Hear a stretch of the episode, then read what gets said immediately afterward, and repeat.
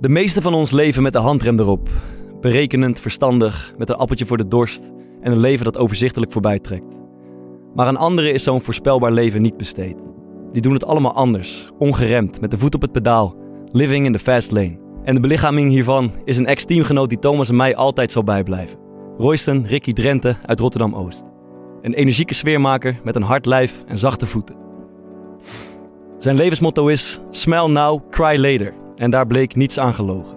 Want het lachen was uitbundig als God in Madrid. En het huilen kwam later, want hoe harder de val, hoe groter de pijn. We duiken in de twee werelden van Royston. De Galactico van Madrid en de ZZP'er in de zorg. Welke lessen zijn er te trekken uit het turbulente leven van Royston? Dat bespreken we vandaag in de Core Podcast. and it went like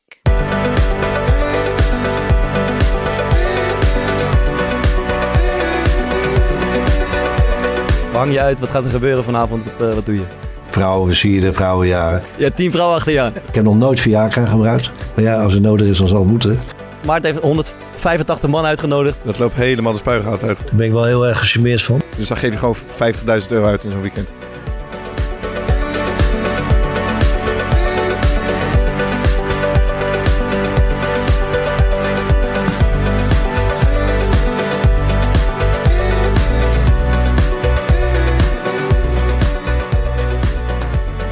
Oh ja, welkom man. Ja, toch. Welkom, welkom. Man. Dankjewel. Even een, eh, een update, want we zitten in een ander gezelschap. Ik ben niet met Maarten en Royce in de studio. Thomas staat op, op een scherm mee te kijken, want eh, bij Excelsior hebben ze wat te vieren. Thomas zit, Hij heeft kleur in zijn gezicht, Ja. hij heeft een blouseje aan, zijn knopen zitten open. Thomas een update eh, uit Ibiza graag. Waar hang je uit? Wat gaat er gebeuren Ja. vanavond? Wat, eh, wat doe je? Ik zit eh, lekker op mijn hotelkamer. In Ibiza, inderdaad. Eh, we, we hebben eigenlijk het moment dat, eh, dat we veilig waren, is alles in het werk gezet om zo snel mogelijk te vertrekken. en eh, we zitten hier tot vrijdag eh, ja, te vieren dat we, dat we nog een jaar Eredivisie spelen. Dus dat is wel mooi. En deze podcast is eigenlijk een hinderlijke onderbreking van een, eh, van een mooi reisje. Moet ik het zo zien? Nee, nou, Ja. het gaat wel natuurlijk van netto, eh, netto feesttijd af. Hoeveel heb je er al in zitten vandaag? Hè? Hoeveel heb je er al in het zitten? valt mee. Het, het- het valt, ik ben niet zo'n. eh, ik merk dat, dat ik ben niet zo'n overdag eh, drinker. Ik, eh, ik ontwaak eh, meestal eh, s s'avonds, weten jullie in principe alles van. Maar, maar overdag, eh, zeker op zulke soort trips, overdag heb je, heb je niet. eh, ik, ik ben er niet bij voor, eh, voor, voor het ploegje overdag, zeg maar. Roy, wij zijn, wij zijn één keer met, eh, met, met Sparta in Ibiza geweest, een paar, paar dagen voor de play-offs. Jij was er ook bij. Jij was, wel, jij was een beetje onze reisleider eh, die week, want jij kent de weg eh, op Ibiza. Nou, ik zie Thomas ziet er ook nog een beetje zoekende uit. Vertel even, waar, Excelsior is daar, ze hebben wat te vieren. Waar, Ja. waar moeten die gasten heen?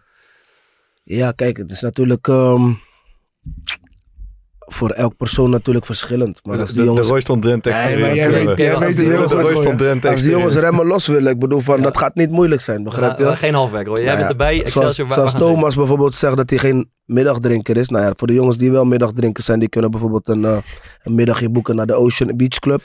nou ja, daar gaat het wel gebeuren, denk ik, sowieso aan de Engelse kant. Nou ja, ik zou zeggen, in de avonden goed amnesia pakken. Mhm. Misschien kunnen jullie nog een euro pakken of zo. Ik weet niet. Nee, maar jullie gaan vrijdag al weg. hè? Euro's volgens Ja. mij op zondag. Ja, we zitten net voor, dat, eh, voor de opening van het, eh, van het festivalseizoen, feestseizoen. Ja, jullie zitten er net voor. Maar ja, Patja is wel open, toch? Of niet? Ja, daar gaan we vanavond heen. Ja, nee, daarom. Dat komt wel goed, joh. Dus dat zal er wel genoeg te beleven zijn. Ja, we hebben vorige week die, die kampioensviering van, van Feyenoord gezien. Wij zijn zelf met eh, Sparta 60 geworden. Hebben natuurlijk even gevierd s'avonds. Ik ben eh, later nog eh, de Witte Witstad opgegaan. Daar kwam ik de halve selectie van Excelsior, inclusief Thomas, tegen. Ja. Eh, dus er wordt van alles gevierd, zeg Ja, maar, ja, in, de, in de voetbalwereld op dit moment. Zeker in Rotterdam. Ehm, zeker in Rotterdam. Nou, nou eh, heb jij ook een bijzondere carrière gehad natuurlijk. Is er één viering eh, van al die jaren en al die clubs die jou het meeste bijstaat, waar je het meest van hebt genoten? Waar ik het meest van heb genoten, dat is eigenlijk best een goede vraag. Ik denk dat het elke keer iets anders was. Mhm. Ehm, ik denk een iets winnen is sowieso een van de magische dingen op het moment dat je profvoetballer bent. Nou ja, mijn eerste viering was natuurlijk ehm 2007 Europees kampioenschappen. Ja. Met eh Jong Oranje. Ja, dat was een dingetje. Nou ja, daar begin je een beetje te proeven, zeg maar, van het ambiance en van het vele mensen. En de mensen die, zeg maar, houden van het voetbal, maar ook van je eigen ik, om zo maar even te zeggen. Ja. Elk persoon heeft zo zijn voorkeur naar een bepaalde voetballer. En ik was wel een type voetballer die zeg maar een smeerwa- smeerwa- sfeermaker was op het veld. Ja. Maar ook zeker buiten het veld. Wat bedoel je daarmee? Eh, wat ik daarmee bedoel te vertellen, dat is dat ik wist sowieso wat mijn kwaliteiten waren op het veld. Maar als er een feestje was, dan was ik daar zeker niet vies voor. Snap je? Dus wat ik daarmee mee bedoel te zeggen is dat, zeker als je kampioen bent op dat moment, nou ja, dan is dat al sowieso een ego-streling. Dus op het moment dat je dan ook nog eens je ego wordt gestreeld, dan ga je daarop, Vibe. ja, ga je daarop viben, snap je? J- jij voelde het wel op zo'n viering. Ja, ja, sowieso wel, sowieso, sowieso. Wat, wat, wat gingen jullie doen dan? Waar, waar, waar, aan Ehm, denken? zo, dat is eigenlijk. Dat van EK weet ik, het zit me niet meer echt op het netvlies. Zelfs het kampioenschap met Real Madrid 2007 zit me ook niet meer echt op het netvlies. Hoe kan dat, man? Je Ja, dat kijk, zijn? dat, dat is wat ik je probeer uit. Dat is wat ik je eigenlijk een beetje moet gaan uitleggen, zeg maar. Ik had het laatst ook erover met mijn lijfcoach. En toen kwam op een stukje van ehm, wat doet het met je op het moment dat je zeg maar spelers ziet waar je eigenlijk altijd aan hebt getipt hebben, maar die nog steeds op hoog niveau voetballen. En ik weet dat ik zeg maar de voorgaande jaren daar zeg maar geflatteerd antwoord op heb gegeven, maar ook omdat ik zeg maar emotie niet echt los kon laten. Mhm. Eigenlijk helemaal niet. Emotie zat vast. Begrijp je dus? En toen vroeg hij aan me van bijvoorbeeld een Sergio Ramos, een Cristiano, Benzema, dat is jouw lichting. Die boys spelen eigenlijk nog bij de top. Toen zei ik tegen hem dat het me zeg maar ehm, eh, positief jaloers maakt, zeg maar. Je weet toch? En waarom maakt het me positief jaloers? Om het feit dat ik weet wat ik zeg maar had. En dat was talent. Maar ik weet ook dat als ik had geleefd, zeg maar, als ik die knop had kunnen omzetten, dan is Karim Benzema het beste voorbeeld. Ja. Want hij leefde praktisch gezien zoals mij. Je weet toch, waar ik was in Vegas was hij ook. Waar ik was in Miami was hij ook. Jullie gingen samen of je kwam nee, niet tegen? samen, maar we kwamen elkaar tegen op dezelfde Ja. plek. En we speelden al bij Real, snap je? Ja. Je bedoelt, Maar zeg maar, jouw lifestyle was, was ook zijn lifestyle. Ja, toch, maar gedurende zeg maar, de periode dat ik ben weggegaan, zeg maar, is er bij hem waarschijnlijk een moment gekomen dat hij dacht van oké, wacht. Ik kan dit wel leven, Ja. maar er moet wel een bepaalde switch komen. En die switch is bij mij zeg maar nooit gekomen Ja. gedurende mijn carrière. Ja. Ongeacht ik wel altijd wel gewoon zeg maar leergierig was en altijd wel 100% op trainingen gaf. Maar ik was net zo goed ook goed, eh, er goed in om mezelf af te takelen, zeg maar. Weet je toch? Gedurende mijn carrière, om zeg maar even te zeggen. En het stukje over waarom ik zeg maar niet echt tegen jou, aan jou kan vertellen wat betreft mijn feestvieringen rond die tijd. Omdat ik zelf denk dat ik heel veel dingen gewoon onbewust ben vergeten. Snap je? Ik kan jou ook heel veel scenario's bijvoorbeeld... Ik heb Champions League gevoetbald. Ik Ja. heb dat gevoetbald. Bepaalde mannen kunnen dat niet vertellen. Ja. Ik kan jou drie kwart van die wedstrijden niet eens meer zodanig navertellen. Terwijl dat eigenlijk wel zou moeten, snap Ja. je? Maar is dat omdat je het soort van, denk je, hebt, hebt weggestopt? Of dat je, je Nee, ik denk dat ik zeg maar niet heb genoten van het stukje hebt gewoon helemaal, helemaal niet bewust meegemaakt?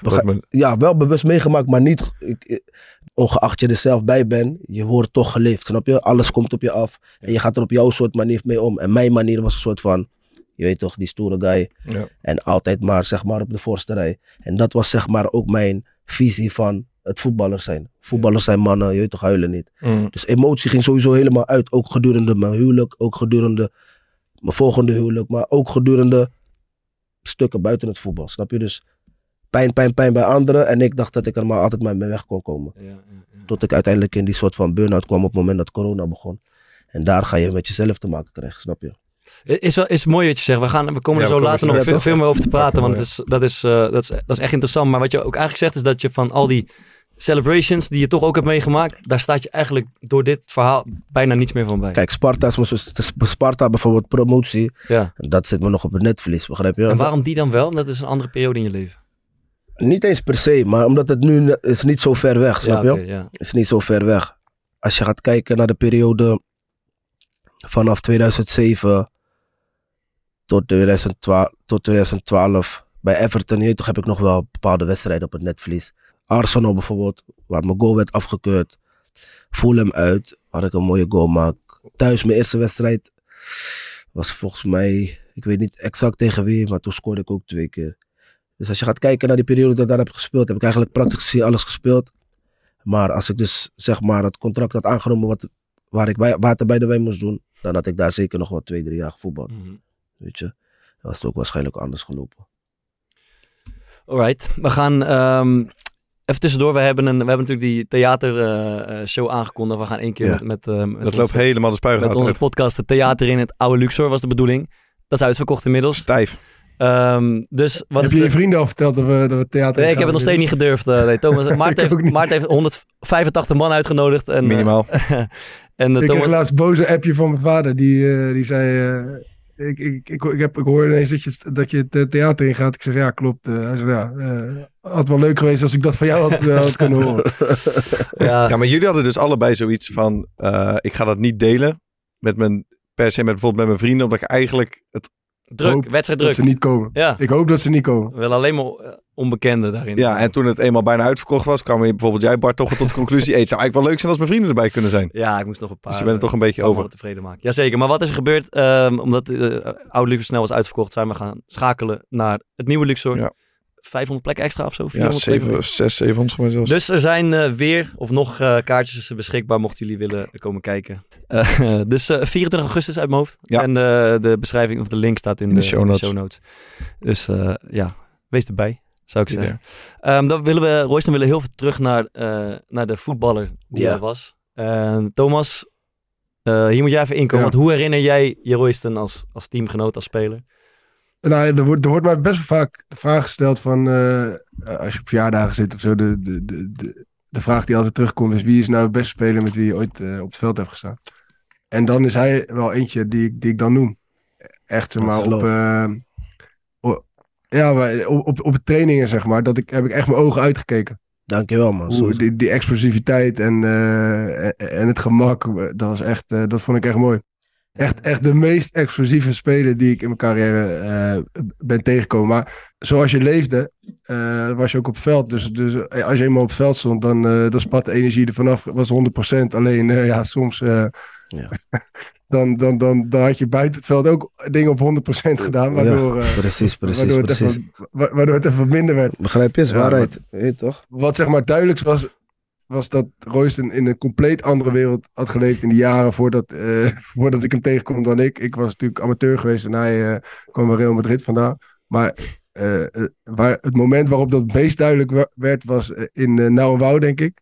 Waar ik, volgens mij waren we periodekampioen geworden. En toen Periodekampioen. stonden we daar. Ja, stonden we daar. En toen had jij een bodyguard bij je. De dag van vandaag vraag ik nog steeds af. Waarom? Je vraagt je nog steeds af waarom. Heb je die gemerkt dan? Ja.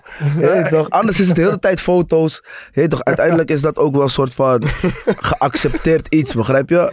Ik hoor ook nog sowieso wel vaak van, hey Roy, je bent wel gewoon nice, je weet toch? Je maakt wel foto's en je bent gewoon die normale Ja, guy. dat is ook zo. Dat is ook meer omdat je bent het gaan leven, snap je? Uiteindelijk is dat iets wat bij mij is part of life, snap je? Als ik ergens kom en mensen herkennen mij, je weet toch, dan weet ik van oké, je weet toch, dit kan me eventueel gevraagd worden of wat dan ook. Die dag Maar, nou, ik maar weet- kwam dit zeg maar uit, eh, voort ook nog uit de periode van Madrid en Everton en zo, waar dat Nee, gewoon normaal is? ligt, ligt er meer gewoon aan van als ik weet dat ik naar een hectisch feest ga, waar ik weet van, je weet toch, veel, veel voetbalfans en dat soort dingen. Dan liever ga ik gewoon met iemand die het niet voor me hoeft te zeggen. Dan hoef ik me er ook niet vervelend bij te voelen. Ja. Je weet toch? Dan dat ik het zelf moet zeggen. Want ik ben sowieso wel een type guy die zoiets heeft van... Sang. Je weet toch? Ik wou deze guy eigenlijk niet zo fok op laten voelen. Want als jij continu... Tuurlijk, het is normaal. Eigenlijk ben ik aan het feesten. Ik heb helemaal geen zin in de hele tijd. Want sommige mensen sowieso wanneer ze onder invloed zijn... willen ze Ja. heel je levensverhaal weten. Van zo, hoe was dat? Toch? Hey, hoe was die tijd bij Madrid? Die vraag krijg je gewoon 50 keer op een dag. Ja. Oké, weet maar toch? Roy, even één... eh, zeg maar, als je, ik snap dan waarom je een bodyguard hebt, maar stel hij is er niet bij. Heb jij een handige manier om die mensen een beetje af te wimpelen op een aardige manier? Jawel, gewoon. Wat, wat zeg je dan tegen ze bijvoorbeeld? Zonnebril is sowieso optie. Toch? Kijk, andere kant. Je Dat toch? werkt niet altijd. Dat werkt niet altijd. Dat werkt niet altijd. Nee, maar gewoon sowieso. Uiteindelijk.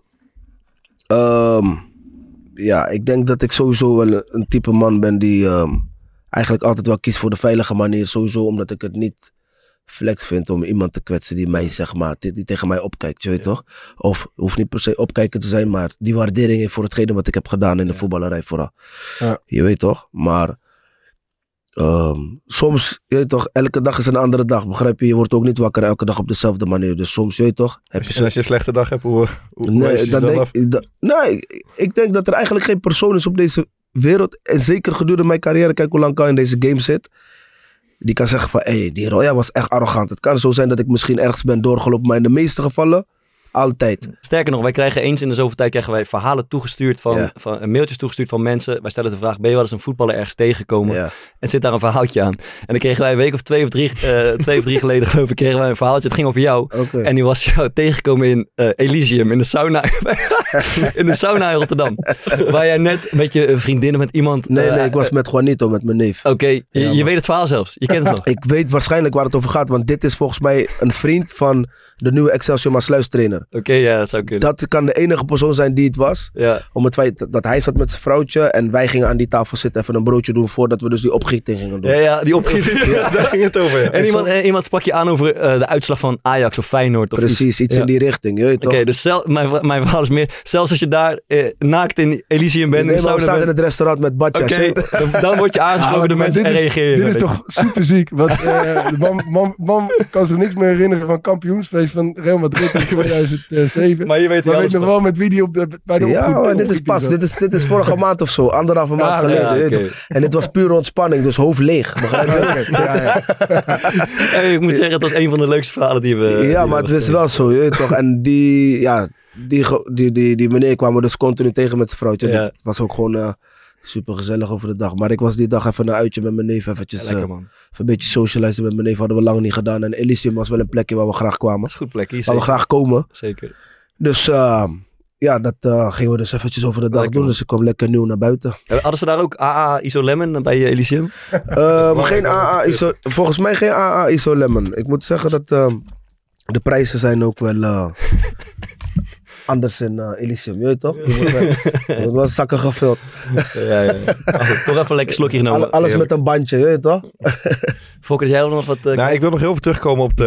We hadden het net over jou als voetballer. Ja, En het ge- eh, ik heb in de, in de Feyenoord jeugd gespeeld. Ook in de periode dat jij... Dan eh, speelde je op maandagavond met Jong. oké. En dan was je echt wel zo dat stomende bekkie, zeg maar, op links. Ehm, maar wat ik me bij jouw type speler altijd heb afgevraagd is... Dan speelde je linksback. Mhm. Ehm, maar jullie, ik ben zelf een keeper. En ik ben me heel bewust als ik de bal heb. En dat idee heb ik bij centrale verdedigers over het algemeen ook wat meer. mhm. Dat die zich heel bewust zijn van een soort van het risico wat ze lopen. Als ze de bal verliezen op eigen helft. Mhm. En bij spelers bijvoorbeeld zoals jij, bij jullie lijkt het gewoon een soort groot avontuur te zijn. Als je de bal krijgt. En Ja. dat, ik heb dat bij Sparta nu bijvoorbeeld. Die Pinto heeft dat ook een beetje. Jullie staan Ja. onder druk. Je- hij krijgt die bal op vijf meter van de achterlijn. Ja. In plaats van roeien, kappen, zoeken, zoeken. En dat, Jetro Willems heeft dat ook. Jetro Willems heeft dat ook. Ja. Ik denk dat dat persoonlijk komt als je zeg maar meerdere posities hebt bemachtigd. Op het moment dat je in de jeugd zeg maar wordt. ehm, dat, je, dat je jezelf ontwikkelt in de jeugd. Ik ben altijd natuurlijk links, rechts. Links, rechter, links buiten, rechts buiten. Links half, rechts half, op 10. Mm. En uiteindelijk kreeg ik zeg maar, nadat ik ouder werd, kreeg ik zeg maar dan ook die linksback posities erbij. Om het feit dat we dan, dan vaak blessures op die posities hadden. Of eigenlijk helemaal geen type spelers hadden die het niveau nog aankonden op die positie. Mm. Het is ook een soort van backup positie. Of je- of je kan het, of je kan het niet, Mm. snap je? Dus ik was altijd al een type speler die liever de bal aan mijn voet had dan dat ik zeg maar de bal weggaf, snap je? Mm. Maar wat jij zegt als keeper zijnde, ik denk dat dat soort dingen sluipen, erop, sluipen erin op het moment dat je niet lekker in je vel zit, Ja. snap je? Op het moment dat je in een fase terechtkomt, dat je liever de bal niet wil hebben en dat je continu zeg maar ook de verkeerde keuzes maakt. Nou ja, die fase heb ik bijvoorbeeld meegemaakt in mijn periode 2008 Real Madrid. Dat ik op een gegeven moment in een fase tijd te- te- terecht kwam dat ik dacht van, hé, kan ik nog wel voetballen? Je, Begrijp je? Omdat je je, wilde de bal niet meer hebben. je bent op een gegeven moment gewoon bang om die bal te krijgen. Omdat Ja. je, me- je merkt ook dat je eigen publiek keert zich tegen je, Die fouten die je zeg maar normaal wel kon maken. Je Ja. merkt dat je ze niet meer kan maken. Dus op een gegeven moment ga je met jezelf struggelen. Ja. En wat mij daar pas heeft geholpen, dat was zeg maar voetbalpsycholoog. Snap je? Omdat ik, had, ik had te maken met het stukje Feyenoord. Ik kwam uit de jeugd van Feyenoord. Ik was kind van Feyenoord. In het Feyenoordstadion in de Kuip kon ik niks verkeerd doen. Ja. Ook al ging het allemaal goed, maar toen kwam ik op een gegeven moment in een fase van oké. Dus op een gegeven moment kwam ik echt in een fase terecht van nee man, speel die bal maar liever andere kant. En dat was echt niet mij, want ik moest juist de bal hebben om Ja. wat te kunnen toveren, snap je? Hoe ik het zag, zeg maar, in die, in die periode bij Sparta, eh, met jou was, was, jij raakte gewoon snel verveeld. Dus je kwam als, als, als linksback, was je echt fucking gruwelijk. Ja. Alleen op een gegeven moment dacht je van, ja, eh, ja linksback, eh, laat me even rechtsbuiten staan. Was je rechtsbuiten, ja toch? was je, echt- was je echt fucking goed. Aantal Ja. wedstrijden. Jij irriteert je ook, wanneer het spel over rechts gaat, eh, irriteer jij je ook van, laten we, laten we over links spelen, toch? Ja, kijk, ja, ik bedoel meer te zeggen van, Ja. ik wil wel betrokken zijn bij het Ja, spel, ja. snap je? Ja. En ik denk dat de backposities, als het team daar niet zodanig op is ingesteld, dan krijg je bijna geen ballen. Ja. Je moet zelf eh, zoeken naar die ballen en dat soort dingen, begrijp je? En zeker in het systeem wat we dat, die periode speelden, dan was het eigenlijk wel dat we een soort van met die wingback speelden. Ja. Dus je conditie moet dan ook zodanig zijn dat je iedere keer zeg maar, het kan belopen om eventueel daar te kunnen komen waar die bal dan ook komt. Ja, ja. Want Thomas, jij was, hij ging jouw positie eh, innemen eigenlijk.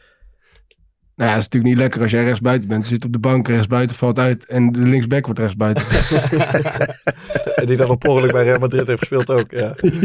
ja, dat- en toen uiteindelijk kwam je volgens mij zelfs nog op, eh, op de zespositie. Ja, daarna Ja. ook nog veel linkshalf gespeeld, rechtshalf. Ja. Klopt. Wat het ook was, ik kwam natuurlijk wel bij een trainer terecht, Henk Vrezen, je, ja. die eigenlijk mij tot dit, zeker gedurende mijn jeugd, ja. Feyenoord C1, Ja. daarna Feyenoord A1, dit altijd met mij deed. Ja. Begrijp je? Henk Vrezer was ook die type guy dat hij kreeg op een gegeven moment te horen van hogeraf van Feyenoord, van luister, Roy gaat binnenkort naar één, hij moet ready zijn voor die linksbackpositie. Ja. Maar hij wist, ik was altijd linksbuiten, rechtsbuiten, ook bij hem. Ik was aanvoerder van de A1, linksbuiten, rechtsbuiten. Ja. Begrijp je? Dus op een gegeven moment speelden we Ajax uit Mhm. in de arena, halve finale voor de beker. En hij komt naar me toe in de bus. Hij zegt, vriend, ze maken me helemaal gek boven. Hij zegt, vriend, ze willen dat je per se linksback die wedstrijd speelt, maar dat gaan we niet doen deze wedstrijd. Ik zeg, dan hoe gaan we dat doen dan? Hij zegt, vriend, je krijgt nummer 5. Je begint linksback. Ja toch? Na vijf minuten die viel op naar voren. Begrijp je? Ja toch? Dus speelde ik die game aan, zeg maar, met nummer 5 op Ja. linksbuiten. Begrijp je? Ja, ja, ja, ja, ja. Maar dat was, zo moesten we het doen. Dus het begon zo al, begrijp je? Ja. En dan zette hij een linksback, zette die op linksbuiten en dan konden jullie het gewoon... eh, Precies, want dan hadden we Mo Hamouti, zeg maar. Ja. Dat is een jongen uit, ehm, uit Gouda. Mhm, Die kreeg daar nummer 11. Maar dat was officieel een linksback. Ik snap het. ja. Begrijp je? Maar doordat er van hoger af werd aangegeven van... Toen de tijd was Henk van Steenhoff jeugdopleiding. Erwin Koeman was de trainer. Maar dat is natuurlijk wat werd aangegeven. Ja. Want we hadden natuurlijk Pascal Bosgaard. Maar daarachter hadden we niemand. Ja. Dus ik was dan die backup voor Pascal Bosgaard. Daarna kochten ze Philip Leonard. Nou, daar waren ze ook heel, veel, heel snel van afgezien. Want die ging binnen twee weken al onderuit. Ja. Dus toen werd ik ook voor een heel veel een leeuw gegooid tegen Ajax, Tom de Mul. Ja. Begrijp je? Ik weet niet of je die foto kent dat ik op de grond lig. Dat ik Tom de Mul bij zijn enkel wil pakken. Zo. Ik ga hem er zo bij pakken. ik zo 4-1 bij pakje dan. pakken. Maar Tom de Mul, eh, ik bedoel, eh Philip Leonard begint die wedstrijd. Ja. Nou binnen een kwartier was hij volgens mij al zeven keer voorbij gespeeld. Ja, negen voorzetten of zo. Begrijp je dat Erwin Ja. Koeman dacht ook, hij kijkt naar de bank, hij ziet mij. Ik denk, oh nee. Oh, je wilde niet eens op linksback. Broer, ja, broer we, kregen, we werden super weggetikt. Ja, en dan moest ik ineens in die gimma. Ja, tegen Als- de sterkste speler van Ajax. Ja, op dat moment was Tom de Mul eng. ja. Type, het was een beetje à la Andy van der Meijden in zijn goede tijd, je weet toch? Ja, ja, ja, ja. Super strak. Niet eens volledig uitspelen, gelijk voorzet. Maar wat, wat Beetje Thomas foto? van der Haar-achtig, snelle voorzet of zo, weet je toch? ja, eerlijk is eerlijk. Maar wat is met die foto dan? Dat ik Alleen iets sneller. Hij staat sowieso op internet, man. Maar wat jij, jij houdt zijn eh, enkel vast of zo? Ja, op een gegeven moment, dat was de 4-1. Hij heeft je laten ik vallen. maakte, nee, ik maakte volgens mij sowieso een verkeerde berekening. Dus ik wou Ja. die bal zeg maar vanuit de lucht pakken, bal stuit weg. Ja. Tom de Mul versneld en ik glij weg. Oh, die is niet lekker, Je man. weet toch, sowieso, ik zie hem al gaan. Ja. Ik wil hem nog bij zijn enkel pakken, zeg maar. Je Ja. me gewoon op de grond.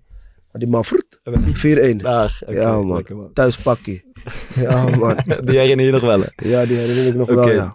Eh Royster, we willen, eh, we willen nu even naar de, eh, de twee werelden schetsen. Dus eerst de, de periode van Madrid. Ja, Hoe je dat hebt beleefd, hoe het eruit zag. En dan later naar de periode van de afgelopen jaren. ja. Laten we beginnen met, volgens mij is het 2007. eh, dat is jouw vertrek van Feyenoord naar Madrid, klopt dat? klopt. 2007. Eh, je- kan je wel herinneren bijvoorbeeld wanneer dat eerste contact is gelegd? Want je was een jonge gast en op een gegeven moment moet iemand tegen je gezegd hebben, misschien was het je zaakwaarnemer of de trainer van, hé, hey, er is belangstelling van Madrid. Kan je dat herinneren? Ja, kijk, gedurende het, gedurende het toernooi werd het me wel duidelijk, begrijp je? En zeker toen ik Oké. gold, Tijdens het EK was dit. Ja, toch. Eigenlijk, nadat ik zeg maar gekroond was als golden boy van het toernooi, hadden ik, Gianni Zuiverloon, Boy Waterman, eh, Ryan Babel, hadden gezegd van oké, we zijn kampioen. We nemen onze vaders mee, mijn stiefvader dan, ehm, naar Suriname. Ja. Begrijp je? Ehm, nou ja, ik was daar, we waren drie weken in Suriname. En natuurlijk het contact tussen mij en mijn zaakwaarnemer was gewoon elke dag. En hij gaf gewoon aan van ga gewoon vakantie vieren. Ik hou je op de hoogte of wat. En toen kreeg ik al heel gauw te horen dat het 16 tot 17 clubs waren die interesse hadden. Mhm. Waaronder ook Real Madrid. Oké, cool. Nou ja, en toen begon het balletje. Welke waren waren nog we- meer mooie clubs? Sorry? Uh, Manchester 16, United, 17 clubs. Chelsea, waren aan. Heel veel mooie middenmotors.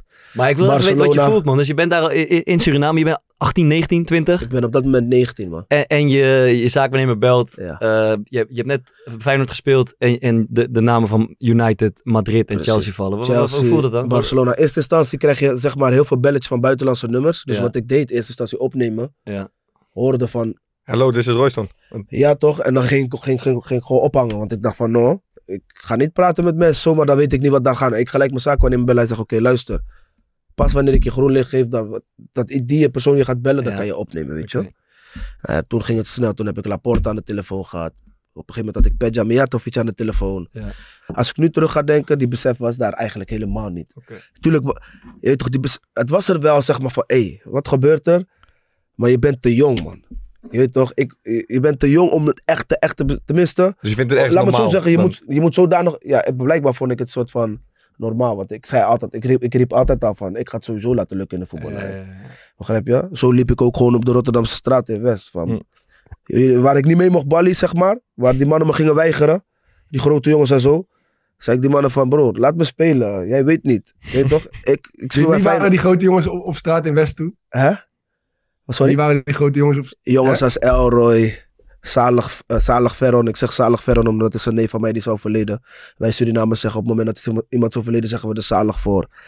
Elroy en dat soort mannen. Dat waren die boys, zeg maar. Kat, Miraldo. Dan praat ik over gewoon jongens uit de buurt, je weet toch? Die echt een balletje konden trappen. Begrijp je? Maar ik was te klein. Ja. Dan ging ik naar Oslo, maar ik mag niet meedoen. Mhm. Dan kwam mijn moeder naar beneden. Je weet toch? En dan moesten die boys, zeg maar, dan dacht ik van, fuck, deze man gaat gewoon weer zijn moeder halen. En toch, toch ontzag voor mijn moeder, toch mocht ik toch zeg maar meedoen. Ja. Maar dan zag je iedereen soort van half. Oké, ja, kan het wel. Je weet toch, die, nee, die motivatie was zeg maar weg van, wat doet die Oh. kleine boy? Hij wil zeg maar meedoen. Ja, gingen ze je de bal geven even. Ja toch? En Ja. dan mocht ik weer op, oppleuren zeg maar. En dan gingen ze weer serieus Ja, voetballen, je toch? Totdat ze zag van, hé, hey, die man is snel ontwikkeld, begrijp je? Ik ging snel in de, in de jeugd van Feyenoord. Ja. Ik was ongeveer 8, 7 toen ik naar Feyenoord ging. en toen ging het snel. Eh, wat was die vraag ook? Wil om even terug te komen op dat stukje. Eh, of je het normaal vond en of je het, hoe je het beseft. Ja. Ik weet niet per se of ik het normaal vond. Maar op dat moment ehm, voelde ik zeg maar wel van... Hé, hey, ik ga gekke stappen maken, weet je. Het is, ik, ga het leven. Ehm, ja, die besef kwam een beetje toen ik in het vliegtuig zat daarheen. Maar toen ik uitstapte uit het vliegtuig in Madrid... En toen ik zag wat voor menigte daar alleen voor mij aan het Mm. op mij aan het wachten was. Ja, toen besefte ik dat het zeg maar een omgekeerde wereld was van wat ik gewend was in Nederland. Terwijl Nederland was wel gek huis met voetbal. Wat, wat, wat doet dat met je zelfvertrouwen op zo'n moment? Ja, en dat is dus die probleem. Je weet toch? Het doet te veel met je zelfvertrouwen. Je, wordt- je, wordt, te- je ego wordt te veel gevoed. You're li- you're living the fast life. En als je zeg maar de tools hebt om de fast life nog vaster te leven, broer. Mm. Dan gaat hij snel. Hoe- Dan, daar wil ik even Ja. naartoe, naar die, naar die tools. Want wij, wij spraken bijvoorbeeld eh, een paar weken geleden in onze podcast met Vincent Jansen. Die ging van eh, AZ naar Almere naar Tottenham Hotspur. Andersom. Eh, sorry, van eh, Almere naar AZ naar Tottenham Hotspur. Gigantische stap. Daar komt er veel geld binnen ineens. Ja. Hij vertelde ons eerlijk, ik keek vijf keer of wat, acht keer per dag op zijn internetbankieren Ja, wat er binnenkwam. Normaal. Deed je hetzelfde? Normaal. Nee, Tien keer, twaalf Wat, keer? wat ik zat, ik zat andere tijden sport te kijken. En daar hoor ik gewoon zeggen, daar, daar hoor ik jou ook zeggen, je krijgt bij Madrid twee keer per jaar betaald. Precies. Inclusief bonussen. Dus dat jij volgens mij het eerste wat je overgemaakt Ja. heeft was 1,1 miljoen. In één keer. Ja, dat was in, dat was in de periode, periode januari. Maar ik kreeg tekengeld kreeg ik vijf ton. Zeg maar. Dus dat was eerst instantie met tekengeld. Nou, dat was sowieso al iets wat ik nog nooit had gezien. Tuurlijk, ja. Ik had sowieso nog geen 6-0 op rekening gezien. Terwijl ik had al zeker drie keer opengebroken bij Feyenoord. Dus Mhm. ik zat al in een hoge schaal. Ik Ja. verdiende al goed, goed bij Feyenoord. Zeker toen ik wegging zat ik al op weet toch ongeveer tussen de 20 en 18. Mhm. Uh, ja, zeker ja, tussen de 20 en 18 bruto of zo. Mhm. Begrijp je? Na het open, op, openen, openen van mijn contract, weet je. En toen ging ik ineens naar dat. Ja. Dat was ook wel sowieso, je toch? Sowieso aan mijn zusjes van, kijk. Toen de tijd was het nog niet internetbankieren. Nee, was pasje erin. Afschrift. Ja, oké. En toen Eh, pas je nog gewoon saldo. Kijken, saldo. Oh, maar, maar dus je liep van, ook van huis naar een ding, hoe heet zo'n ding, om een bankautomaat en ja, saldo opvragen. Ja. Het is gewoon een automatisme. Je weet hoeveel daar is, toch drukken. Je weet toch? Eventjes kijken, hoeveel is daar nog? 4 ton, 3 ton? Is automatisme, begrijp je? ja, ja. Ja, is ja. automatisme. Dus dat was sowieso wel een dingetje, toch? En ja, je bent jong, dus geloof me, die, die vijf ton is sowieso snel gebloot. Ik ga niet voor je liegen. Maar en, en wat ben je Eh, gelijk bezig met, met, met, wat, wat koop je dan bijvoorbeeld in je eerste paar maanden? Ik denk dat bij mij was het meer, eh, was het meer gewoon een soort van die vrijheid van, ik hoef, ik hoef, ik hoef, niet, te, ik hoef niet te denken van, hé, mijn Mhm. geld gaat op. Ja. Sowieso, dat was mijn visie. Ja, Begrijp je? Ja. Mijn eerste vijf, zes jaar is er nooit een moment geweest dat ik dacht van... Hé, hey, wacht even, ik ga in dat investeren of zo investeren. Pas daarna, zeg maar, Matties vrienden en zo, je toch, die gaven ideeën en dat soort dingen. En als ik op dat moment het gevoel had van... Hé, hey, ik wil meedoen, dan deed ik mee of zo, Ja. je toch. Maar het was nooit dat ik zelf met het idee kwam van... Hey, ja, ik snap het, ja. Begrijp je? Bij mij was het gewoon een soort van die financiële onafhankelijkheid. Dat was meer zeg maar een soort van ja. die... Ja, dat was gewoon die boost, je weet toch? Ik kon doen wat ik wou, je weet toch? Een bodemloze put. Maar je, je hoeft er nooit na te denken van, hey, kan dit eigenlijk wel? Moet ik dan eh, iets afwegen tegen elkaar? Het was gewoon, Precies, je hebt gewoon zes jaar lang het gevoel gehad, ik kan alles, Ja, nee, kan zes overal jaar, meedoen. gedurende heel die periode, je weet Ja. toch? Maar meer van, je weet toch? Je gaat, zeg maar, vakanties boeken. Wat je normaal, no- als normaal mens nooit zou doen. Begrijp je? Je zou daar wel tien keer over nadenken, begrijp Mhm. je? Dus stel je krijgt een weekendje vrij, dus dan is het gewoon last minute. Dan gaan we last minute privé. Dan laat je, zeg maar, die mensen komen met- wie je wil gaan. Ja, Begrijp je? Maar je moet denken, je bent op dat moment of in Nederland of in Madrid. ja. Je moet met die privéjet van daar naar daar. Ja. En die privéjet moet ook nog eens daar gestald worden. Die piloten moeten daar blijven. Ja. Begrijp je? Dus dat is ook alweer kosten. Nou ja, laten we zeggen van Nederland naar Marbella is 16 kop heen. ja. Ja toch? Dus piloten blijven daar, dus ze komen ongeveer op een 30 kop, 31 kop. En dan moet je ook nog die villa kop is betalen. duizend voor onze... Sommige, denk dat sommige luisteraars denken, waar gaat het over? Dat is Voor de luisteraars uit Noord-Holland. En, eh, vijf, kop, vijf kop voor die twee dagen. Ja. Villa. Ja. En dan ook nog shoppen, feesten. Ja. Alles op jouw pas. Hè? Alles op jouw pas. Ik was sowieso het type. eh, tuurlijk, soms ging je met sterke mattes mee, die, die laten, laten gewoon hun dingen los. Maar ik was sowieso niet de type guy van, broer, ik wil dit, dus waarom moet jij hiervoor Mhm, opdraaien? Ja, snap je? ja. Uiteindelijk is het normaal als je met vrienden dat iedereen ervoor opdraait, maar die denkwijze krijg ik pas, Ja. Dus dan geef je gewoon ouder was. 50.000 euro uit in zo'n weekend. bijvoorbeeld. Ja. En als ik daar nu aan terugdenk, weet je toch? Denk ik wel bij mezelf van, ik snap het, want je was jong, je, toch, je hebt het echt geleefd. Want toen die besef was er sowieso niet. Maar op het moment dat je wel besef krijgt, zeg maar, van krediet en dat soort dingen. Ja, de waarde van geld. Juist, precies. Mis je het ook? Maar gewoon dat je de ruimte had om zo'n, bijvoorbeeld zo'n weekend te doen?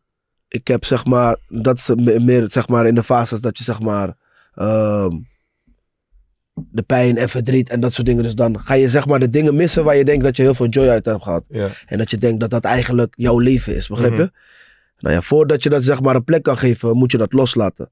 Nou ja, die dingen heb ik zeg maar nooit losgelaten, doordat ik er eigenlijk nooit over gesproken had. Snap je? Op het moment dat ik erover begon te praten, met therapie, thera- in therapie en life coaching, toen merkte ik dat ik zeg maar dingen die ik waarschijnlijk nog nooit los had gelaten en dingen zoals traumatische ervaringen in huwelijken en geld en dat soort dingen. Als je er niet over praat of als je niet toegeeft waar je denkt dat jij zeg maar jouw mistake hebt gemaakt, Mhm. dan gaat het je op een gegeven moment vreten, gaat het je opvreten, snap je? En dat is wat wat wat met mij ging doen, je weet toch? Want op een gegeven moment kom je zeg maar, niet, kom je in een fase dat je niet meer kan leven zoals je zeg maar gewend bent te leven. En dat je dus zeg maar een manier moet gaan vinden van, oké, hoe ga ik het nu doen? Mhm. En voor mij was dat zeg maar de enigste manier. Dus, dus ik ging alleen zoeken van, oké, hoe ga ik dat stukje Weer terug. terugdraaien? Gewoon, waar, hoe, waar ga ik, hoe ga ik net zoveel plezier krijgen en, Ja, en toch? gevoel hebben en Begrijp ego je? voelen als ik, als ik toen had, ja. Begrijp je? Omdat ik zeg maar, Maar niks... ben je dan, ik ben je stond zoek open voor? Ja, Ik stond niet open voor ehm, verandering, zeg maar. ja. Je weet Ja, ja, want je moest gaan veranderen, maar je wilde eigenlijk nog hetzelfde leiden. Juist, precies. Ja, en, en waar, waar ging je, wat, hoe ging je dat dan doen? Hoe loste je dat op? Nee, ik ben lang. Bro, ik ben pas nu sinds de periode juni, juni echt. Ja. Ben ik zeg maar echt aan het voelen Ja, dat ik zeg maar plezier heb, zeg maar, in het, in het, in het, in het, in het, in het me zijn, zeg maar. oké. Snap ja, je? Ja, Dus ongeacht je mij ziet lachen gedurende de periode, ja, je weet toch, ongeacht je mij gewoon wel mij ziet zijn, Ja. dat zegt niet dat het zonder pijn is. Op een gegeven moment dat kon ik mezelf niet eens meer trekken uit die put, snap je? Op een gegeven moment was het zodanig dat geliefden zoals moeder, zussen, met tranen in hun ogen voor mij, voor mij zitten van, hé, hey, wij willen jou helpen, laat ons jou Mhm. helpen, snap je? Maar ik stond niet open daarvoor. Ja. Omdat ik, zie, ik zag dat als falen. Begrijp je? Want ik was altijd die guy die ervoor zorgde dat er joy kwam, snap je? Ja. Maar op een gegeven moment was het zo, zo heavy, dat zelf die glimlach, zelf die, die joy die ik bracht op het moment dat ik bij een tante op feest kwam of wat dan ook, was helemaal uit. Ja, want w- wat ik me kan voorstellen, waar ik een soort van misschien een, een bepaalde gelijkenis tussen ons zie. En dat is, jij hebt dat op een compleet ander niveau meegemaakt dan ik. Maar ik, was, eh, ik speelde bij Heerenveen toen ik 19 was. Ik kwam binnen, ik werd weggestuurd bij Feyenoord, kreeg geen Ja. contract. Ik, ik ging naar Heerenveen, ik zat een half jaar later zat ik bij Jong Oranje. Eh, en ik had echt het idee van, weet je wat, over twee jaar of over één seizoen eh, speel ik in de Eredivisie. Nou, misschien ga ik dan nog wel een keer naar Engeland. Misschien ga ik een Nederlands elftal halen. Ja. Ehm, en dat is volgens helemaal de andere kant op gegaan. Ja. En voor mij is het een heel lang en soort van moeilijk proces geweest om überhaupt te accepteren van oké, ik ben niet de keeper in mijn geval aan het worden die ik wil zijn. Of Mhm. wat ik, wat ik mezelf heb ingeprent. Ja. En ik ben nu, wat is het? Ik ben, ik ben nog geen twee jaar gestopt. En als ik heel eerlijk ben, ben ik nog steeds niet helemaal eh, in mijn hoofd van het beeld af, zeg maar, van hoe ik mezelf vroeger Ja. eh, voor me zag. En het, en het idee, ehm, dus ook als ik terugdenk aan mijn, bijvoorbeeld aan mijn voetbalcarrière, dan ben ik ergens gewoon trots dat ik het überhaupt een beetje gehaald heb. Ja. Maar er overheerst altijd een soort van, wat ik niet helemaal kan plaatsen, maar een, een gevoel van teleurstelling. Precies. En teleurgesteld in mezelf. En, en, dat, en dat vind ik het vervelendste eraan. En dat hoor ik ook een beetje volgens mij in jouw verhaal terug. Is dat ik ehm, niet... Zeg maar, ik, ik zie een soort nieuwe rol voor mezelf. Ja. Ik zie een nieuw leven voor me. Maar ergens diep van binnen ben ik nog steeds... eh, een ja, ik, het klinkt een beetje hard, maar een mislukte voetballer. Ook het verhaal zo wat jij net ophangt, ehm, dat je, of ophangt, wat je net vertelt over dat je, het, eh, dat je graag stap wil maken, maar dat het zo moeilijk is, is. Vind je het ook moeilijk, zeg maar, om die identiteit van ik ben de voetballer met bijvoorbeeld met, met, met veel status. Ik heb bij grote clubs gespeeld, ik heb veel geld. Zeg maar, vind je, het gewoon, je vindt het ook lastig om, die, om dat soort van los te laten? Nu, nu, nu vind ik het ehm, steeds, steeds, ehm, steeds makkelijker worden, zeg maar. Hmm. Maar het is een hele zware klus geweest, zeg maar. Om die identiteit, zeg maar. Omdat ongeacht jij misschien bezig bent met het loslaten van die identiteit. De buitenwereld Exact, ja. is niet, die, die, je toch, die heeft jouw identiteit op het netvlies zitten. Begrijp je? Is dat een beetje vergelijkbaar met, eh, te vergelijken met afkicken eigenlijk? Moet je, heb je het gevoel dat je een soort van moet afkicken van eh, dat voetballer bestaan, dat topvoetballer bestaan moet. en alles wat daarbij komt kijken. Dus ook de, de, de, de roem en de status en het geld. En je bent Ja. gewoon bovenop die apenrot, zeg maar. Heb je het gevoel dat je daar ook van moet afkicken dan in die, in die jaren daarna? Ik denk het wel. Ik weet niet hoe het voor andere voetballers misschien Ik denk dat het ook een beetje te maken heeft met hoe hoog heb je exact, exact gevoetbald. Maar ik denk dat elke voetballer wel te maken krijgt met het stukje afkicken van oké, wanneer ga ik het stukje loslaten? Ja. Wanneer denk ik dat mijn lichaam dit niveau niet meer aan kan? Ja. Snap je? Op het moment dat je zeg maar, je hebt bepaalde voetballers die hebben voor zichzelf al gecalculeerd van oké, dit is waarschijnlijk de periode dat ik ga stoppen. Mhm. En dat en dat is wat ik ga doen. En zo moet het ook zijn. Maar dat zijn boys, je toch? Die hebben vanuit huis uit al zoveel visie gekregen. Lange Van, termijn hey, zo ben je zakelijk ingesteld. Ja. Zo moet je dat doen. Ja. En dat wil niet zeggen dat mijn opvoeding crap was. Want ik heb de liefdevolste opvoeding gehad. Ja. toch? Op onze manier, snap je? Ja. Ik ben altijd op handen en voeten gedragen door tantes, moeders, oma's. Maakt niet uit wie. Maar dat heeft niet weg dat...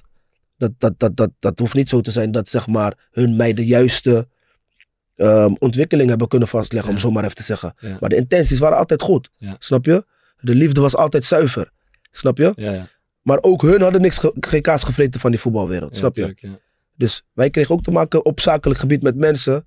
Je weet toch? Die we ook maar moesten geloven. Snap je? Dus ook dat soort dingen is, gaat op een gegeven moment ook proeteren rondom de familie. Snap je? Dus mensen gaan het gevoel krijgen dat hun hebben gefaald. Ja, snap En ik zei ook altijd tegen hun van uiteindelijk, niemand hoeft zich schuldig te voelen van hoe mijn carrière is gelopen. Ja. Je toch, uiteindelijk was ik er zelf bij. Je toch?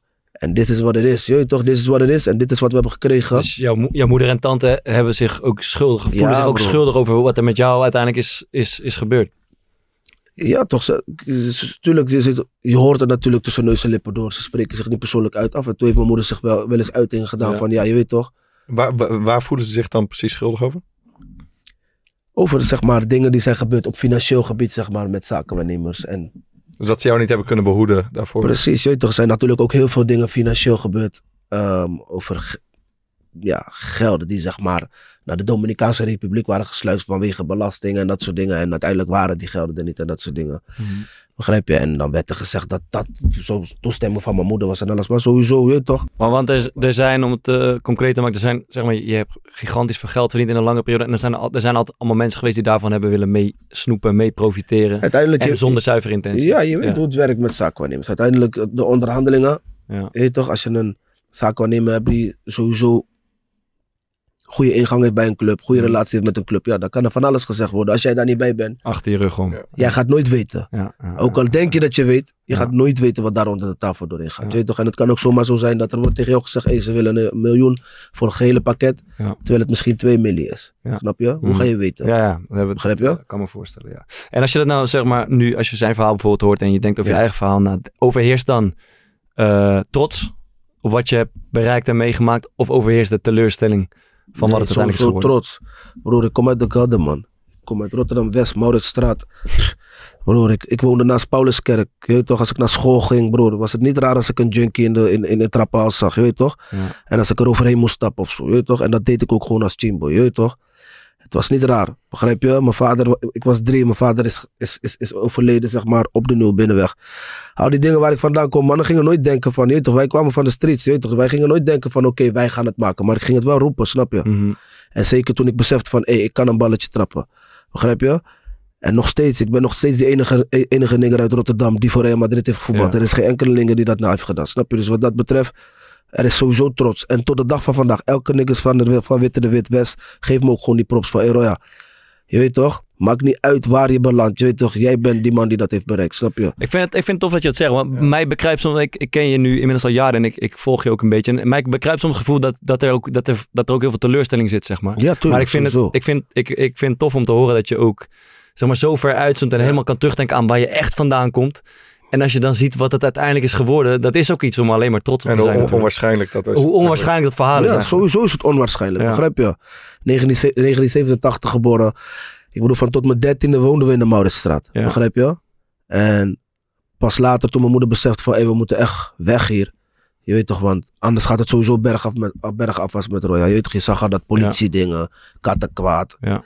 Zeg maar, veel naar Amsterdam gaan bandjes spelen. Toch die dingen willen Mm. doen van, omdat je, je leeft die leven, begrijp je? Ja. En ongeacht je een vriendengroep hebt van vier, vijf jongens die misschien verstandig zijn, zit er altijd eentje in die, hij gaat ons leven, snap je? Ja. En ik was die type van vriend. Ik was niet per se die meeloper, maar als mij maar zei van vriend, we gaan erin, dan we gaan erin. Ja. Begrijp je? Dus dat kon alleen maar voor ergere dingen zorgen, snap je? Dus uiteindelijk verhuisden we naar Rotterdam-Oost. Dat was niet zo dat ik dan helemaal niet meer in West kwam. Want uiteindelijk ga je toch op jouw zette manier door. Maar het bracht wel wat meer rust, snap je? Ja. Iedereen woonde ook in die area, Tante Helen, snap je? Dus zo, begrijp je? Maar Ja, tof, ik snap het. En Ja. ik, ehm, eh, om het toch even over die periode van de afgelopen jaren, waar je eigenlijk nu nog steeds in zit, hè, want je, hoe je het zegt, je Ja, bent eh, aan de betere hand, maar je bent aan het opkrabbelen. zo ja, het man, zelf. zeker, zeker. Ik, ik lees even een stukje voor als je En dan heb ik het voornamelijk op, op mentaal en psychologisch Ja. gebied, snap je? Ja, ja, ja. Ik lees heel veel stukje voor. Dat, dat is geschreven door de Sjoerd Mossou. Daar heb jij wel eens interviews mee gedaan. Is bij jou in Madrid geweest, geloof ik. Schrijf Ja, van het. AD. Eh, hij schrijft het volgende. Royce Drenthe is werkloos inmiddels. De laatste keer dat ik Royce zag was op televisie bij RTV Rijnmond. Van het e- energieke, hypervrolijke jongetje dat hij ooit was, was niets meer over. Royce oogde moe, verward en uitgeblust. Hij leek op die tatoeage van een huilende clown op zijn kuitbeen. Veel meer in elk geval dan op die lachende clown. Wie goed keek zag een jongen die hevig verlangde naar de tijd dat de wereld om hem heen nog te overzien en te begrijpen was. Dus hij, hij, heeft jou redelijk gevolgd en hij, heeft, hij, hij ziet jou op televisie en eh, dat zie ik soms ook van jou de laatste Mhm. jaren. En dan zie je niet meer zeg maar die energieke, goed lachse, drukke, vrolijke sfeermaker die altijd all over the place is. Klopt, klopt. Maar hij, ziet een soort van meer, ja, een beetje eh, een vermoeide jongen. Een jongen die het zwaar heeft, een jongen die Precies, een beetje uitgeblust is. Nee, bij mij kwam zeg maar het eerste, de eerste echte breakdown was begin corona. Toen ik zeg maar te maken kreeg met een burn-out. Wat gebeurde er? Ik ging zeg maar vanuit eigen intuïtie ging ik naar mijn moeder. Zeg maar. Ja. En op een gegeven moment ben ik naar mijn moeder gegaan. En ik kwam twee maanden, letterlijk en figuurlijk, het huis van mijn moeder niet uit. Dat vrienden op een gegeven moment, mijn eigen kinderen, op bezoek bij oma moeten komen van, hey, papa, je weet toch? Vrienden vragen, kom we gaan even wandelen. Ik zeg, broer, hoeft niet. Ik ben goed zo. Gewoon dat je, je voelde je zo slecht op dat moment. Of, Ik, ik zat in een burn-out, maar Mm. ik, had nog, ik, wist, ik wist zelf nog niet eens dat ik daar zat. Nee. En daar begon zeg maar een beetje mijn depressiviteit en alles, je weet toch? En dan ga je sowieso eh, heel vaak denken. Ja. Je weet toch, je gaat heel vaak denken, maar je gaat in de meeste gevallen denken aan de nare periodes. Ja. Snap je? En die ga je dan heel vaak ook op een rijtje zetten. En die ga je kwellen. Die ga je kwellen. En, en wat, wat is dan een van die gedachten die, die bij je opkomt als je daar op de bank ligt? heel veel dingen sowieso ook aanpak ten opzichte van anderen. Hoeveel mensen ik sowieso ook verdriet heb gedaan in mijn leven, begrijp je? En wat er dan ook heel vaak gebeurt is op het moment dat ik, ik ga vaak dan terug naar die periodes dat ik het deed. Maar ik weet ook dat ik heb heel vaak naar mijn hoofd gesmeten gekregen van je bent echt een koude motherfucker. En dan voornamelijk van mijn ex-vrouw of wat Ja, dan ook, weet je toch? ja. En, als ik nu en dat die besef had ik op dat soort momenten niet, weet je toch? En zeker als tegen me werd gezegd, dan zei ik van hé, je zeikt of zo, weet je toch? Maar als ik nu terug ga, dan was ik ook inderdaad een koude motherfucker. Maar dat komt ook omdat die emotie stond volledig uit. Ik kon mij heel moeilijk inleven in iemands verdriet. Snap je? Ja. Dus als, ook al was je zo intens verdrietig ten opzichte van mij, kon ik jou gewoon zeggen van hé, wat hel je, Kel? Je toch of wat hel je? Je weet toch, be- begrijp je? Terwijl- ja, dus omdat ik mij niet kon inleven in het Ja. stukje van wat ik zeg maar fout had gedaan. Ja. En ongeacht ik wist fout, Ja. probeerde ik toch zeg maar die dingen zo te draaien dat het zeg maar niet zo Ja, liep, niet toch? lag, ja. Ja, toch? Dus is die, is die periode dan ook bij je moeder thuis een soort van kantelpunt geweest in jezelf ook gaan openstellen, dingen toelaten? Nee, nog niet eens. Want daarna heeft, eh, daar ging het, vandaag ging het brokkelen toch. Ik ben daar wel uit die burn-out gekomen. Maar het was nog niet, ik, ik was nog emotie helemaal dicht. Begrijp je? Ik had ook nog niet met de juiste persoon gesproken. Tuurlijk had ik toen al met de psycholoog gesproken. Want dat was op aanraden van mijn zus en alles. Mm.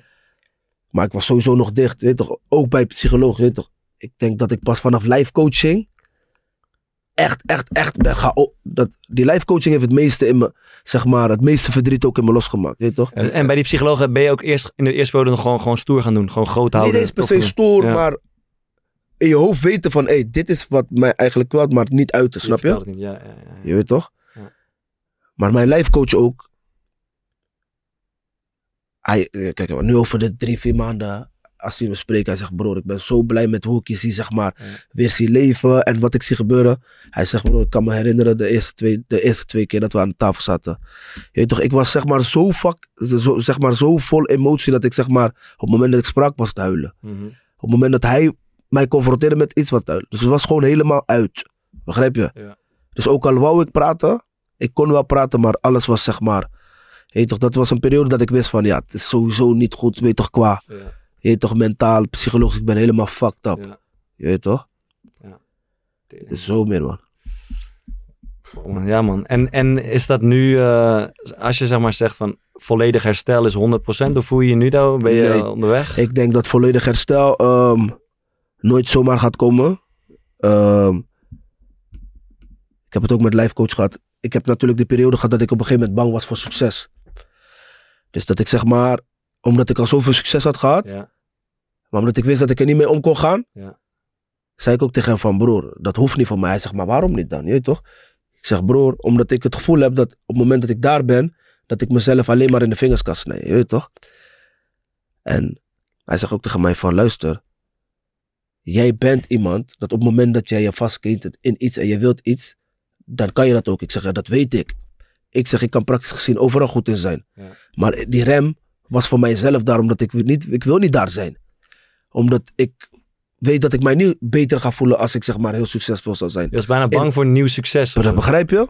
En dat was een fout. Dat, je toch, en ik merk nu van oké, je weet toch, het gaat beter. Maar nog steeds heb ik die, je toch, ik, ik ben nog steeds een beetje in die fase van, Wa- wa- Wat was hetgene voor jou, zeg maar, het moment dat je dacht van oké, er moet hier echt iets anders of ik moet die emotie gaan toelaten? Of wat is hetgeen dat er bij jou heeft doen kantelen? Want ik, ik kan me voorstellen dat Ja. best wel wat... het fucked sowieso het, fuck, het echt, echt fucked up voelen en verdriet hebben en niet eens weten waarom. Begrijp je? Dus je wordt wakker, je kijkt in de spiegel, je huilt, maar je kan jezelf niet verklaren van broer, wat is met jou, je weet toch? Waarom ben je nu exact verdrietig? Omdat het is te veel. Het zijn te veel dingen, je weet toch, die jou gewoon opfokken. Begrijp je? Hmm. En dan zijn het ook nog eens dingen. En soms heb je wel iets verklaarbaars van: oké, ik denk dat ik hierom verdrietig ben. Maar stel dat er iets gebeurt op dat moment. Je weet toch, met een naaste of met wat betreft kinderen. Of je kan gewoon niet die guy zijn die je altijd bent geweest. Begrijp je? Want op een gegeven moment, ook mijn kinderen zelf, je ziet ook gewoon. Van hun zien ook van: mijn vader gaat niet goed. Hmm. Dit, dit, wij kennen hem niet zo. Mhm. Begrijp je? En dat maakt verdrietig, broer. Je weet toch? Tenminste, mij dan, je weet toch? En is dat iets met zo'n life coach, een psycholoog, is dat iets wat je nu op, doe je dat op wekelijkse basis nog? Je, Ja, sowieso om de twee weken. Om de twee weken. En Heb, heb, heb jij ook de ervaring met, met, met een psycholoog? Dat ik, heb, ik heb zelf ook een, tij, eh, een tijdje bij een psycholoog gelopen, bij een sportpsycholoog. Dat ik, ik ging er dan naartoe met een heel onrustig hoofd. ja, En eh, het is misschien een beetje een rare metafoor, maar als het er dan geweest was, dan leek het net alsof ik daarvoor bijvoorbeeld de kledingkast in mijn hoofd had, wat één grote bende was. En daarna leek het alsof alles weer netjes opgevouwen was, zeg Ja. maar, de juiste plankjes. En dat je weer in ieder geval iets van overzicht uit ja kijk, met had. psycholoog, omdat ik zeg maar wat ik al eerder zei, nog niet echt open stond en alles. Maar ik merk nu bijvoorbeeld, zeg maar, op het moment dat ik na een life coach sessie intens moe ben, Dat betekent van oké, je weet toch? Ik heb, ik heb, ik, er is wat gebeurd, je Mhm. weet toch? Ik heb sessies van drie tot vier uurtjes en dat soort dingen. En na die sessies ben ik gewoon uit. Ik moet sowieso twee uurtjes slapen. Maar omdat die guy die ik heb ontmoet. Toch, hij is Shirendi, is een Antilliaanse jongen uit Amersfoort. Ik ben hem eigenlijk tegengekomen op Instagram. Het was heel allround. Ik was sowieso wel zoekende naar iemand wat betreft life coaching. En hij, zeg maar, hij stelde zich eigenlijk onbewust voor. En hij gaf ook aan van, ik, hij had mijn podcast gezien met Gianni en eh, Edson. Building bridges. En eigenlijk uit die podcast Oké. Ah, kon hij mijn gevoel gewoon voelen. Je weet toch? dus pas sinds, dat is, dat is vrij, sinds, dus Dat sinds die podcast ben je met hem in ben ik met hem in zee gegaan. Je weet toch? Ja, ja. Hij kon mij gewoon voelen. Hij, hij stuurde mij een bericht. Ik lees die story en ik krijg tranen in mijn ogen. Ik Ja. ken die man niet. Ja, ja. Begrijp je? Ik lees die story en ik bedenk bij mezelf ook aan deze man. Zeg maar, Ja. op basis van wat hij heeft gezien op beeld. Ja. Weten van oké, ongeveer zo, ongeveer zo. Maar hij geeft ook aan, ik ken je niet. Maar ik voel wel, je weet toch, ik voel je pijn, je weet toch? Hij zegt, als je een keertje open staat voor een gesprek. Ik snap misschien dat je iemand professioneel is wilt of die al langer in deze branche zit of wat dan ook. Je weet toch? Mhm. Dat snap ik dat ook, maar ik zou je willen helpen. Je zo gewoon, Vet man, je weet toch? tof. Ik, ik weet niet of ik. eh, maar, maar wat ik het mooiste vind, wat ik uit je verhaal hoor, is, is de trots, zeg maar. Dus eh, ondanks eh, alle dingen die, die, die wat minder zijn gegaan. Eh, had je het net over eh, dat, dat jij degene bent uit Rotterdam West die uiteindelijk eh, bij Real Madrid heeft gespeeld. Klopt. Dat je gewoon altijd trots kan zijn op de dingen die, eh, die je hebt bereikt. Ja, En, zeker. en, en, en ik denk dat dat uiteindelijk ook dat is wat je, wat je op de been houdt als het moeilijk is. Ja, het is wel zeker wel een van de dingen. Het is niet per se wat me op de been houdt. Ik denk dat echt, echt wat me op mijn been houdt is, de is mijn kinderen, mijn moeder. Begrijp je? Mijn familie, mijn Ja. tantes. Dat is echt één ding wat ik... Ik weet niet of ik, uit, of, of ik deze stap had kunnen maken zonder hun. Begrijp je? Want het is wel echt allemaal bij hun begonnen. Hun zijn wel echt die personen geweest die zeg maar echt zeiden van... Step your fucking game up, nigga. Je weet toch, dit gaat fout. Je weet toch? Mijn zussen gewoon ook van... Broer, je weet toch? We zijn er voor je, maar je moet ook gewoon bewegen. Je weet toch, dit is wat jij bent, begrijp je?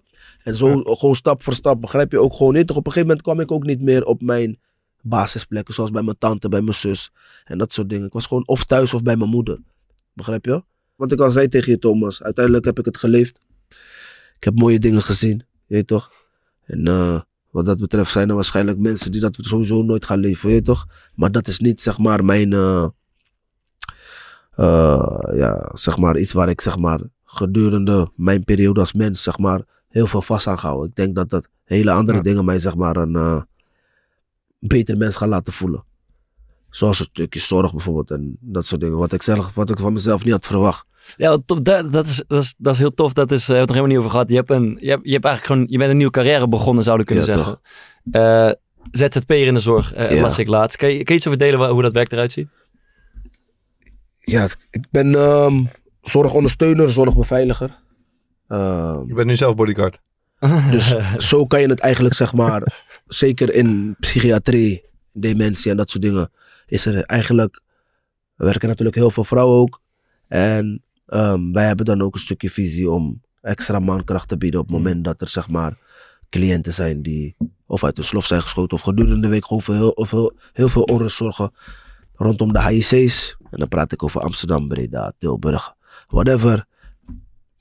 Ehm, zijn wij ook, zeg maar, die extra personen die dan zeg maar ervoor zijn dat er geen, eh, ja, geen, roesmoes, geen, geen roesmoes rondom de, rondom, rondom, de, eh, rondom de HIC's gebeurt en dat soort dingen. Soms staan we één op één, soms twee op twee, soms Mm. drie op één zelf. Wat betreft ISO en dat soort dingen.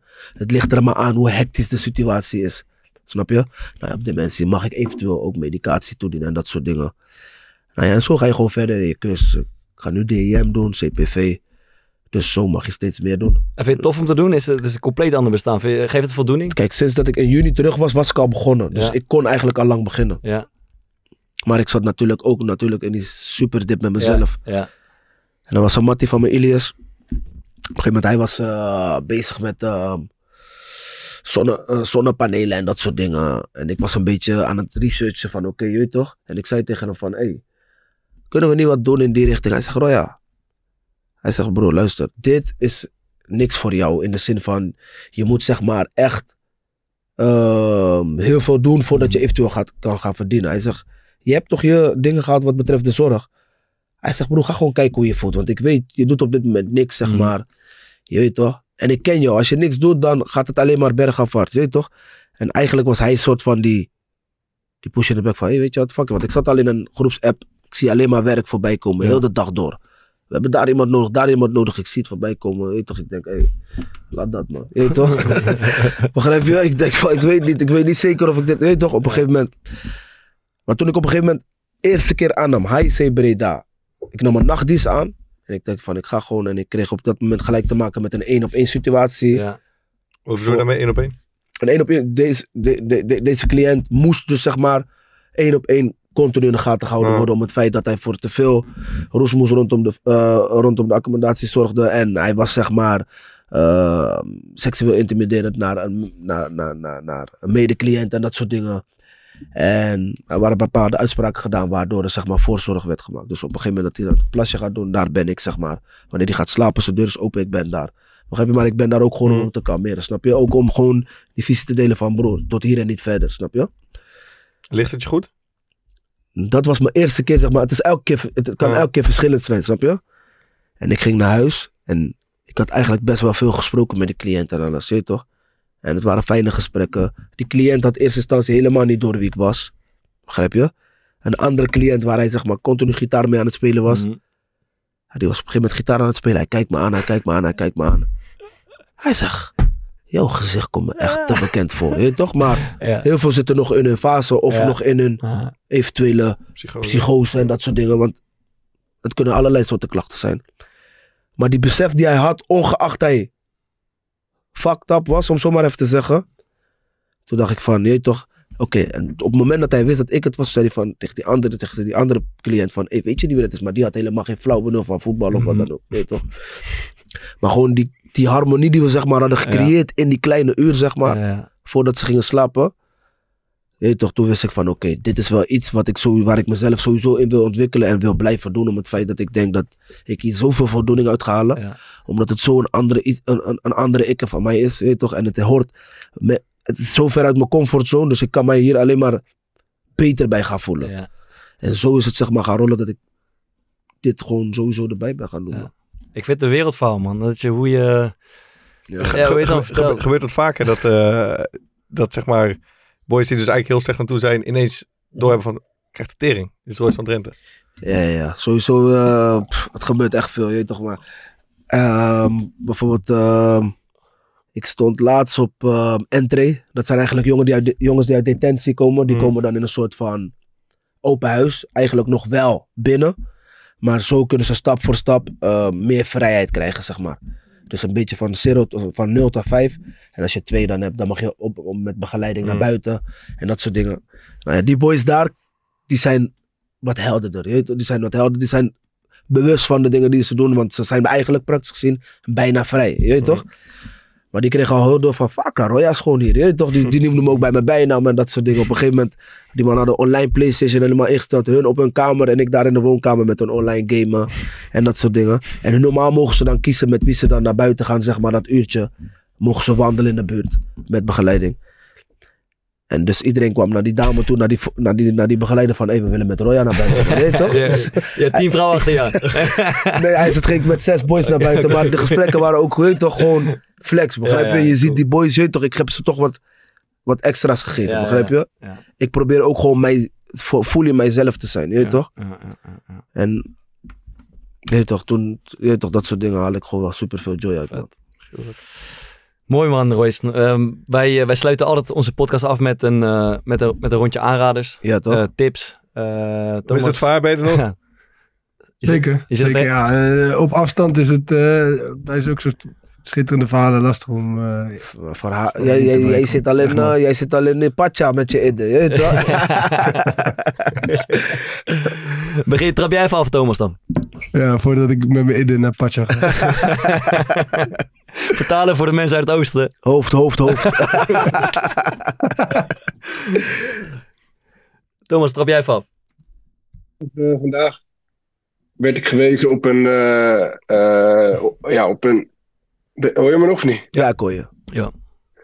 Eh, op, een, op een podcastaflevering van, eh, van de BBC. This Cultural Life heet het. En eh, dat is een, eh, een, een reporter van de BBC die, die met bekende mensen afleveringen maakt over hun bronnen van inspiratie en over hoe zij kijken naar creativiteit. En er was een, een aflevering met Nick Cave, een, van mijn, een van mijn helden. En eh, ja, dat gaat heel erg mooi over hoe hij kijkt naar eh, hoe, je, hoe je creatief pro- proces in jezelf oproept. En eh, hoe hij eh, liedjes schrijft, eh, wat hij daar niet mooi aan vindt vooral. En, eh, en zijn inspiratiebron Leonard Cohen. Dus het was echt een toffe aflevering. Ik luister niet veel podcasts, maar ik had toevallig vandaag even tijd hier in Ibiza. En eh, ja, het was echt eh, tof en ik zou hem zeker aanraden. Dus This Cultural Life, eh, podcast van de BBC met Nick Cave. Sterk. Mooi. Royston, heb jij wat? Qua aanrader. Ja, ehm, dan denk ik dat ik toch ehm, persoonlijk eh, een beetje ga komen op een stukje life coaching. Ehm, naar de ervaring die ik ervaar met een stukje life coaching. Ja, ik denk dat daar iedereen vrij in moet zijn op het moment dat je dat zeg maar denkt nodig te hebben. Heel veel mensen denken dat life coaching natuurlijk een stukje therapie is. Tuurlijk schommelt het daar wel een beetje in, maar het is echt een heel ander iets dan een stukje therapie. Ja. Of dan een stukje psychologie. Snap je? Wat is het grote verschil? Het grote verschil is dat je echt live lessen tegemoet gaat. Waar je denkt dat je zeg maar al heel veel weet. Dat er toch nog zeg maar zoveel dingen zijn die je niet weet. Je weet toch? En als je met een persoon praat die visueel en ehm, zeg maar ehm, z- zoveel heeft geleefd, maar ook het zo goed kan uitleggen als een life coach, denk ik dat je daar zoveel baat bij, bij- baat bij kan hebben. Om het feit dat ik merk wat voor baat ik zeg maar heb bij het stukje life coaching. Dus ik denk dat het niet eens slecht met je hoeft te gaan als persoon. Mhm. Het kan ook supergoed met je gaan, ook in succes of eventueel za- op zakengebied. Maar dat een stukje life coaching daar alleen maar een extra soort ruggengraat in kan bouwen, je toch? Dus wat dat betreft, dat is een beetje een aanrader van mijn kant. Oké, mooi. Ik heb, ja, ik heb echt, echt een hele dikke documentaire gekeken op Netflix. Chimp Empire. Is van de documentairemaker James Reed. Die kun je bijvoorbeeld kennen van eh, My Octopus eh, Teacher. Eh, dus wat die gasten gedaan hebben, ze zijn met een, eh, met een cameraploeg heel diep het oerwoud ingegaan in Centraal-Afrika. En daar hebben ze de grootste chimpansee-kolonie ter wereld eh, gevolgd. 400 dagen lang, non-stop. De hele tijd in twee maanden dan die gasten filmen, in het oerwoud blijven slapen ook. Dan twee maanden andere cameraploeg erin. En dat gaat zo 400 dagen door hebben ze dat gedaan. En dat heeft dus als effect dat die, die beesten zijn zo gewend aan hun... dat ze die cameraploeg soort van niet meer opmerken. Dus ze gaan gewoon totaal over op de orde van de dag. Of tot de orde van de dag.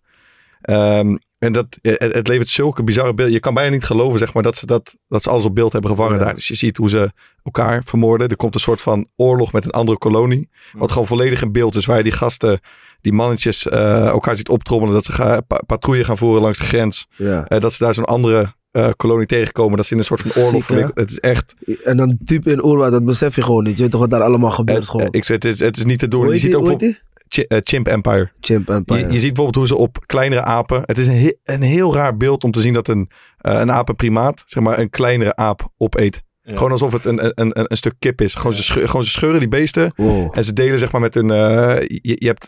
zeg maar, de hiërarchie is heel, heel belangrijk in zo'n, in zo'n kolonie. Eh, en met hun beste vrienden dan. eh, daar delen ze dan bijvoorbeeld gewoon. Trek ze gewoon even zo'n poot af. Van zo'n aap die dan nog half zit, te, eh, zit te gillen. En is daar, is, is daar een reden voor? Waarom ze dat delen? Ja. Ja, om- omdat je dus. Zo'n groep is zo groot. Ja. ehm, dat het alfa mannetje heeft support nodig. Om zeg maar in charge te blijven. Oké. Ehm, en dus iedereen heeft een soort van een eigen rang. Dus Ja. je hebt ze, en die gasten hebben, omdat ze het zo lang hebben gefilmd, hebben ze die hele maatschappij een soort van uitgedokterd. Dus dat, dat wordt dan ook, dat wordt erbij verteld. Wie staat waar op welke Je, je, hoogte? hebt, je, hebt het 17e mannetje, het 16e. Vet, vet, ja, het niet normaal. En zo zie je dus ook dat ze dan met hun vrienden. Dus Ja. dan gaan ze bijvoorbeeld jagen, doen ze ook expres mensen uitsluiten ervan. Het is echt. Je ziet op een gegeven moment één gozer ook mooi. Die, die zoekt. We hebben het wel eens over aansluiting zoeken bij mensen. Dus je komt op een feestje, eh, maar je kent maar één iemand, bijvoorbeeld die jarig is. En je komt daar binnen en je kan niet echt aansluiting vinden. Van kut, ga ik bij hun staan, ga ik bij hun staan. Je ziet daar ook zeg maar één gozer zijn. Voor mij zijn familie leeft niet meer. En hij komt dan op de leeftijd dat er niet meer voor hem gezorgd wordt. En dan moet hij aansluiting gaan zoeken. Dus dan gaat hij naar een van die, niet het alfa mannetje, maar het nummer, nummer drie of zo. Ja. En die gaat hij dan, ze, ze doen elkaar eh ontvlooien. Ja. En dan is het Jij gaat iemand ontvlooien en als hij dan bij jou terug doet, dan word je geaccepteerd.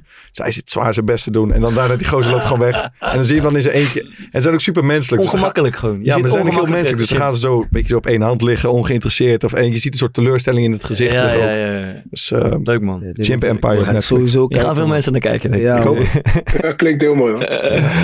Ehm, eerst ja, één dingetje. De Europa Run is komend weekend. eh, en dat is een, een hardloop-evenement in, in Rotterdam. En los van de sportieve prestatie wordt er ook geld op gehad voor kanker. En daar hebben wij het eh, vorige week heel even over gehad. Eh, dus mijn aanrader is in ieder geval eh, om, eh, voor de mensen om daar toch even heen te gaan. Aanstaande maandag is de finish in, eh, in Rotterdam. Ehm, maar mijn echte aanrader is, ik was eh, gisteren op een, op een eh, evenement van Hartgras. Dat voetbaltijdschrift, dat was ik eerlijk gezegd een beetje uit het oog verloren. Ehm Helemaal Koch.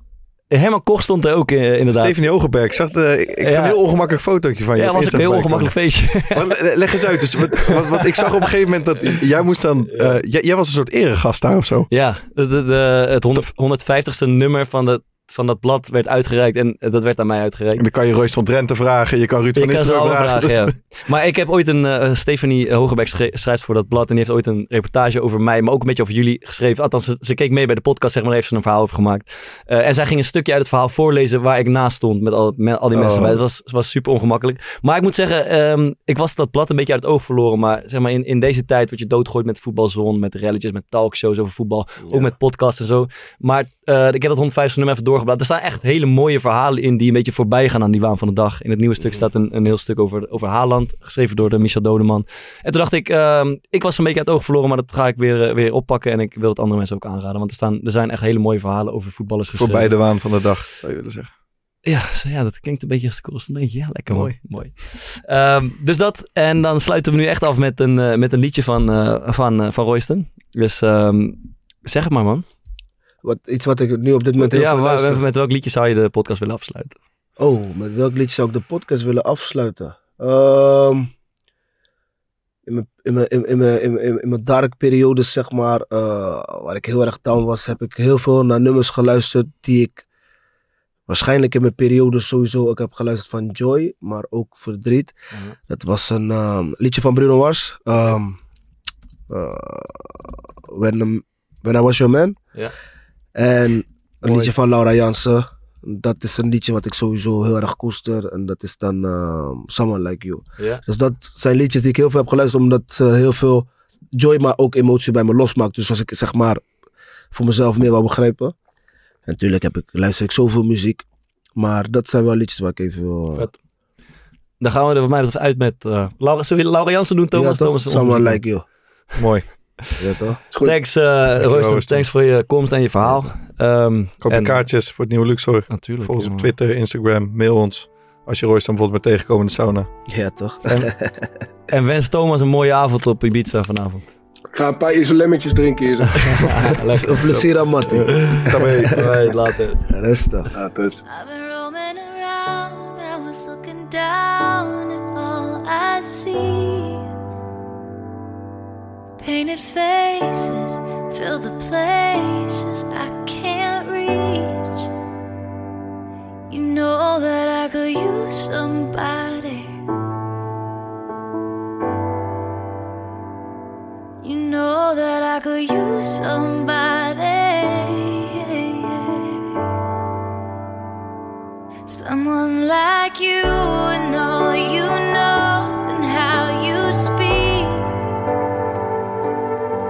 countless love.